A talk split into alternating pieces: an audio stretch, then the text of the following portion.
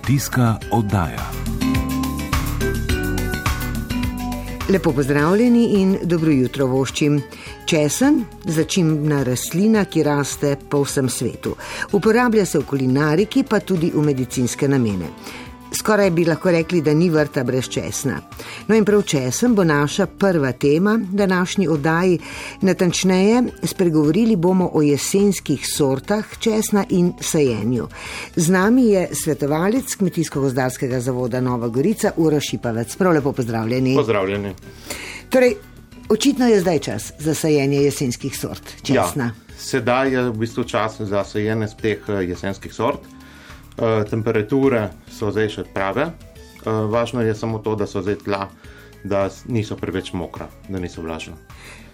Kaj pa moramo vedeti, predno se lotimo sajenja česna? Tako je, kot smo že v vodu povedali, gre za tukaj za jesenske sorte. Namreč česen ločimo vsaj v dve skupini, to pomeni v spomladanski oziroma jesenski česen. Če imamo pravka z spomladanski česen, to pomeni, da moramo ta česen saditi spomladi, v primeru jesenskega česna pa zdaj jeseni.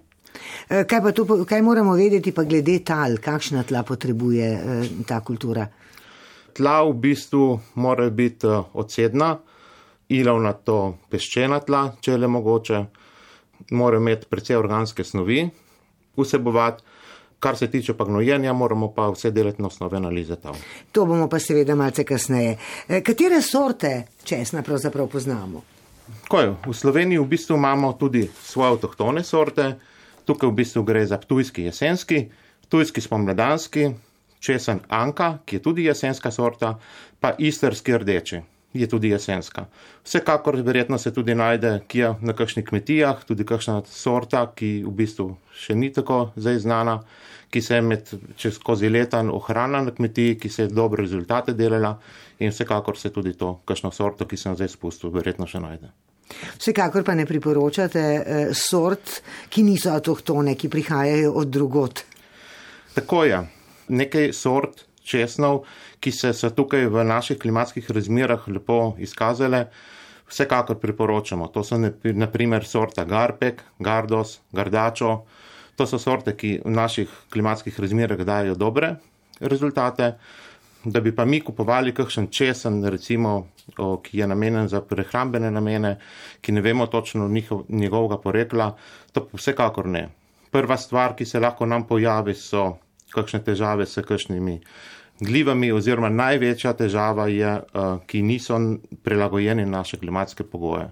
Torej, po črto bi lahko rekli, najboljše in najprimerneje je saditi uh, sorte česna, ki so seveda pri nas doma. Zdaj pa greva uh, k sajenju.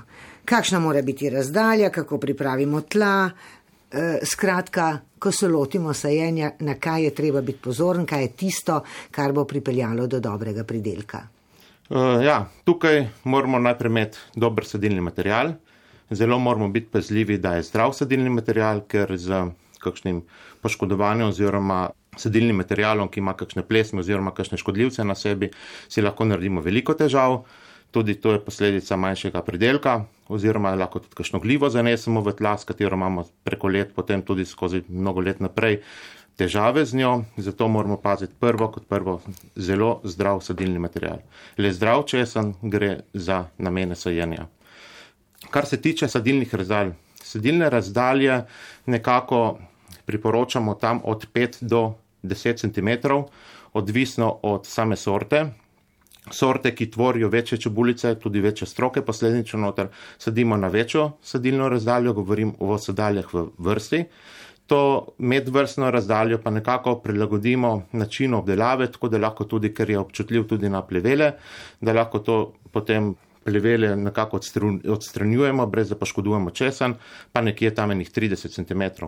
Tako da tam od 7, od strok od stroka, pa vrsta od vrste nekje 30 cm. En strok. En strok. Um, tukaj bi še to povdaril, česen, čebulčke, razstročkamo tik pred sajenjem ker drugače se lahko ti stročki tudi izsušijo, pridelek se s tem zmanjša. Priporočljivo jih je tudi namakati v kakšnih uh, morskih algah, to tudi bistveno pripomore potem k boljšemu odganjanju korenin. debeli stroki pri česnu pomenijo tudi velik pridelek. Majhni stroki pomenijo tudi manjši pridelek. Ampak to ne pomeni, da manjše stroke zavržemo, ampak manjše stroke lahko bolj skupaj sadimo. To spomladi potem imamo ta česen lahko tudi kot za solate, ga uporabljamo in na ta način nič ne zavržemo. E, nekaj o pripravi tal sva že rekla. Je česen zahtevna rastlina? Česen sam po sebi v bistvu ni zahtevna rastlina. E, z naših vrtov je. Na dosti vrtovih je tudi izginil, ki ni dajo dobrih pridelkov ravno zaradi preobilnega gnojenja sploh s hlevskim gnojem. E, namreč česen ne prenaša gnojenja s hlevskim gnojem česen je precej skromna rastlina. Vendar ja. moramo pa na njega paziti, ker vsekakor potrebuje tudi vodo, sploh pri debeljenju čebulčkov, uh, ima nekaj tipičnih škodljivcev in bolezni, katere moramo biti zelo pozorni. Ne prenese hlevskega gnoja, kako pa potem takem uh, gnojimo lahko, da imajo vendarle tla vse tiste vsebnosti, ki jih potrebuje za rast in debeljenje. Najboljše je to predvideti oziroma načrtovati eh, preko gnojilnega načrta, preko analize tav. Ehm, drugače se pa lahko to za manjše površine, lahko pa to eh, uporabljamo kakšen eh, kompost, kateri tudi dajemo organsko snov, katero tudi potrebuje. Kasneje v rasni dobi pa dušik, gnojila na osnovi dušika, mogoče eden do dveh obrokih. Eh, bolezni in škodljivci, seveda to je stalna tema pri pridelavi. Katere bolezni lahko napadajo česen in kateri škodljivci so tisti, ki eh, seveda so tudi prisotni pri česnu? Pri česnu je v bistvu od bolezni je ta rja, česnova rja, zelo prisotna. Eh, to se nekako pojavi, ko so temperature nekoliko više. V aprilu, maju, tam so prvi, To moramo hitro reagirati, zato ker ko upazimo na listih česna take manjše trosišča, take manjše trose, takrat moramo hitro reagirati z registriranimi fitofarmacevskimi sredstvi. To lahko precej zmanjša pridelek, to je ena glavnih bolezni pri česnu. Kar se tiče škodljivcev, je pa zadnje čase zelo aktualen ta uh, tobakov resar, ki tudi povzroča velike probleme, pa tudi gospodarsko škodo. Njega pa prepoznamo, za ko se listi začnejo razbarvati, pojavlja se nekje, moramo biti pozorni, ko se temperature više in uh, vreme bolj suho. Imamo kakšno uh, zdravilo, bi rekli, ali pomoč pri zatiranju tega škodljivca? Uh, ja, uh, imamo uh, nekako, kot sem že prej omenil, to moramo vedno slediti uh, tem pripravkom, ki so registrirani, namreč zakonodaja na tem področju se spreminja in moramo vedno biti uh, tukaj pozorni. Pozorni, kaj je dovoljeno in kaj ne. Tako. -huh. Kdaj dozori, dozorijo jesenske sorte, kdaj jih pobiramo? Tako je. Jesenske sorte nekje pobiramo uh, okrog začetek julija tam v tem obdobju uh, moramo pa paziti. Uh, Marsikdo, če sem bistveno prepozno pobere, zato ker če se nekje je zdrev oziroma primiren za pobiranje, za spravilo, ko ima v bistvu še skoraj polovico listov zelenih. Torej ne čakati, da uh, se posušijo listi, ampak prej. Tako, ker v primeru, da mi to počakamo, se lusko listi na čebulčki preveč izsušijo in potem imamo težave s skladiščenjem in uh, taki česen se potem bistveno manj časa skladišče. Uh -huh. E, kakšno je najprimernejše oziroma kako skladiščiti česen, da bo čim dalj časa zdržal, e, kolikor toliko svež in primeren za uporabo? Zdaj v velikih skladiščih, teh industrijskih, v bistvu so temperature precej nizke, tudi tam 5 stopinj, mogoče tudi kaj manj, nekje v kontroliranih atmosferah. Za domačo skladiščenje pa bi priporočal v bistvu kakšne shrambe, ki so suhe. Uh, najpomembnejše v bistvu pa je, da je temperatura konstantna, da ni previsoka. Konstantna temperatura, to je zelo pomembno, ker drugače začne česen uh, tudi s začetkom procesa kaljenja.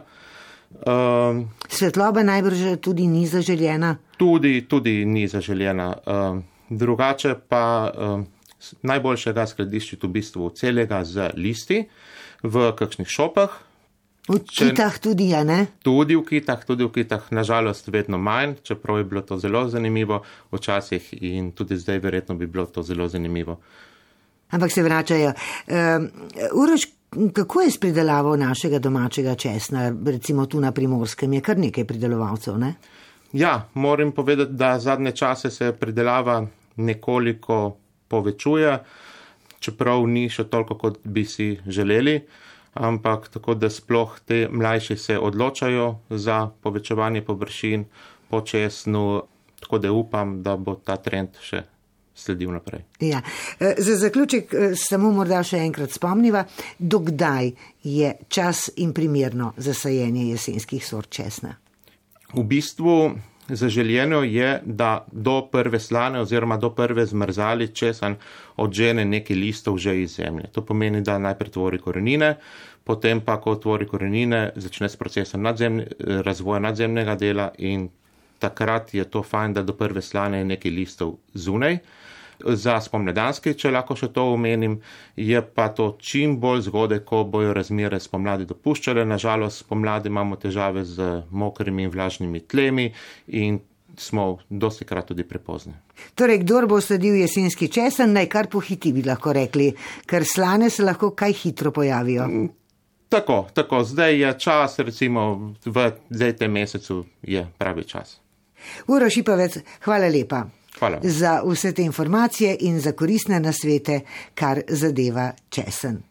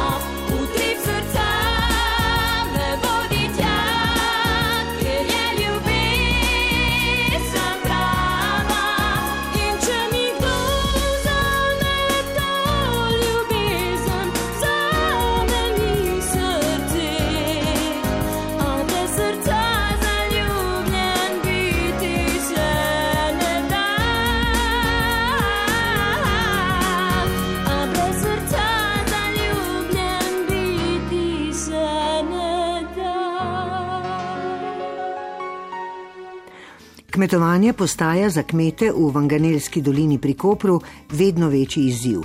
Če se je včasih še dalo kaj pridelati tudi brez večjih količin vode, je zdaj to skoraj da nemogoče. Istoimensko umetno jezero, ki je bilo med drugim mišljeno tudi za namakanje tamkajšnjih njiv in sadovnjakov, je v glavnem neizkoriščeno. Številne pobude, da bi se kaj spremenilo, pa neuspešne. Po daljšem zatišju so prizadevanja, da bi projekt vendarle spravili v tek, znova oživela. Več pa jasna preskar. Vanganelsko jezero je neizkoriščen potencial. V njem je okrog 240 tisoč kubičnih metrov vode, s katero pa si kmetje ne morejo veliko pomagati, kar je absurdno, saj je bilo jezero med drugim narejeno tudi za namakanje. Boris Bržani Stribana se še dobro spomni, kako je bilo pred izgradnjo jezu. Vanganelska dolina sama je podvržena poplavam. Sam sem doživel štirikrat, da je bila poplava taka, da je bilo čez meter vode. No, na začetku pred regulacijo, preko so naredili jezero, je bilo v dolini dol skoraj več kot meter vode. Ne? No, potem so naredili jezero tudi za zadrževati to vodo, da ne bi bilo poplav. Potem je bilo pa spet drug problem, bilo, ker na začetku je bilo precej kmetov, ki so tu obdelovali dolino. Po nastanku Tomusa teh kmetov ni bilo več in zato je Vina Koper naredil skoraj po celi dolini nasade breskov, kjer je tudi koristil vodo in je bilo za takrat zadosti vode. Zdaj, ko je pač Vino Koper opustil pred 30 leti skoraj te nasade, smo se pojavili različni uporabniki vode, ki pa seveda pričakujemo, da voda je, ne da, ker sedaj iz jezera samega je premalo vode torej ribiče, ki so dobili v upravljanje jezero nekje tam 80-ih let, ker pač ni bilo drugega, ki bi se za to zanimal, da bi sploh upravljal to jezero, pač spuščajo premalo vode, ker se bojijo za svoje ribe. Kmetje potem smo, bi se rekli, nezadovoljni, ker imamo premalo vode. Na letos posebno se je pokazalo. Pa bi se dalo izkoriščati jezero tako, da bi bilo dobro in za ribiče, in za kmete? Je vode dovolj? Ja, če bi bili te prekati narejeni na reki, da se koristi tudi to vodo, ki bi se zaustavila v reki in z jezera, bi bilo dovolj. Takih projektov je bilo že sedem. Nekoliko jaz vem, ker so se sprehajali po dolini in merili. Od tega pa nažalost eh, vidimo, da ni ratalo razen jezera, nič potem. Ne? Njive, sadovnjaki in vrtovi v Vanganelski dolini o pomankanju padavin ostajajo suhi, pa čeprav je voda na dosegu roke. S tem se je težko sprijazniti, pravi Marjan Habjan, ki si prizadeva, da bi vendarle vzpostavili sistem za namakanje. Mi smo ustanovili vmes eh, tudi eno, imamo zadrugo kot socialno podjetje, Terra Centuria se imenuje, katere predsednik sem jaz. In smo, to je zadruga za razvoj podeželja, imamo naslovo in smo dali na občino pobudo za izvedbo namakalnega sistema, ker je eh, to je pravzaprav zaradi podnebnih sprememb ena od pomembnih točk Ministrstva za kmetijstvo, da bi se upeljevali namakanje in so tudi v kontaktu z njimi in pravzaprav skoraj prosijo, da te nekaj narediti. No, in takrat smo dali pobudo na občino, da bi to izvedli. Pri tem moram povdariti, da država in Evropska skupnost financira 100% namakalne sisteme, vključno z DDV-jem, kar je praktično ni drugih razpisov takih. In to smo dali na občino. Občina je to nekako pobudo sprejela in uh, sedaj v tem trenutku se izdeluje študija interesa in pa v tej študiji ne bi bilo tudi vidno, ali je voda na razpolago ali ni. Je zdaj ta kritična masa dovolj velika, da bi prepričali vse tiste, ki o tem odločajo? V slogi je moč, pravijo, ne? No, tukaj eden glavnih problemov je pravzaprav prepričati lasnike in najemnike eh, kmetijskih zemljišč. Eh, zemljišč, eh, da je to potrebno in da ne bo nobenim nič vzel, ampak bo kvečem pridobil.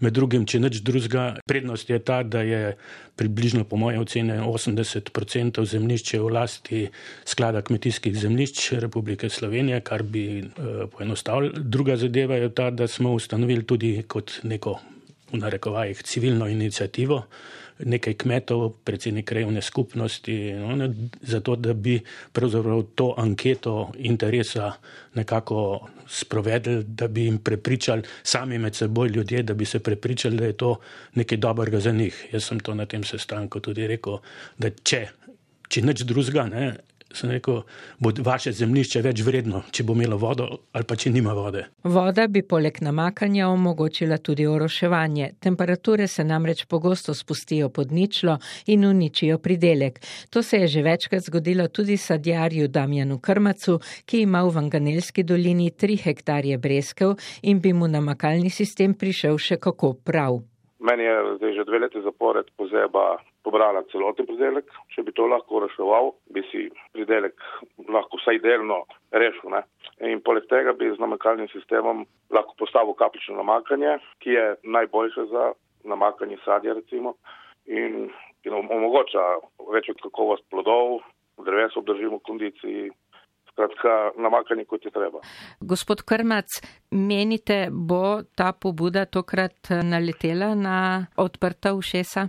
Ne vem, Jaz sem dol v dolini sadjar že 30 let, do zdaj ni padlo nikoli na plodna tla. Mislim, močno upam, da bo kaj ratalo, samo malo dvoma je v tem. Ali je namakalni sistem realna možnost ali pa bo ostal le pobožna želja, bo v veliki meri odvisno od študije o zalogah vode in seveda od interesa kmetov, ki v Vanganelski dolini še obdelujejo polja in sadovnjake. Ti imajo svojo računico, če se jim pridelava ne bo izplačala, jo bodo pač opustili. Študija, ki vključuje tudi območje Srmina, naj bi bila končana do konca leta.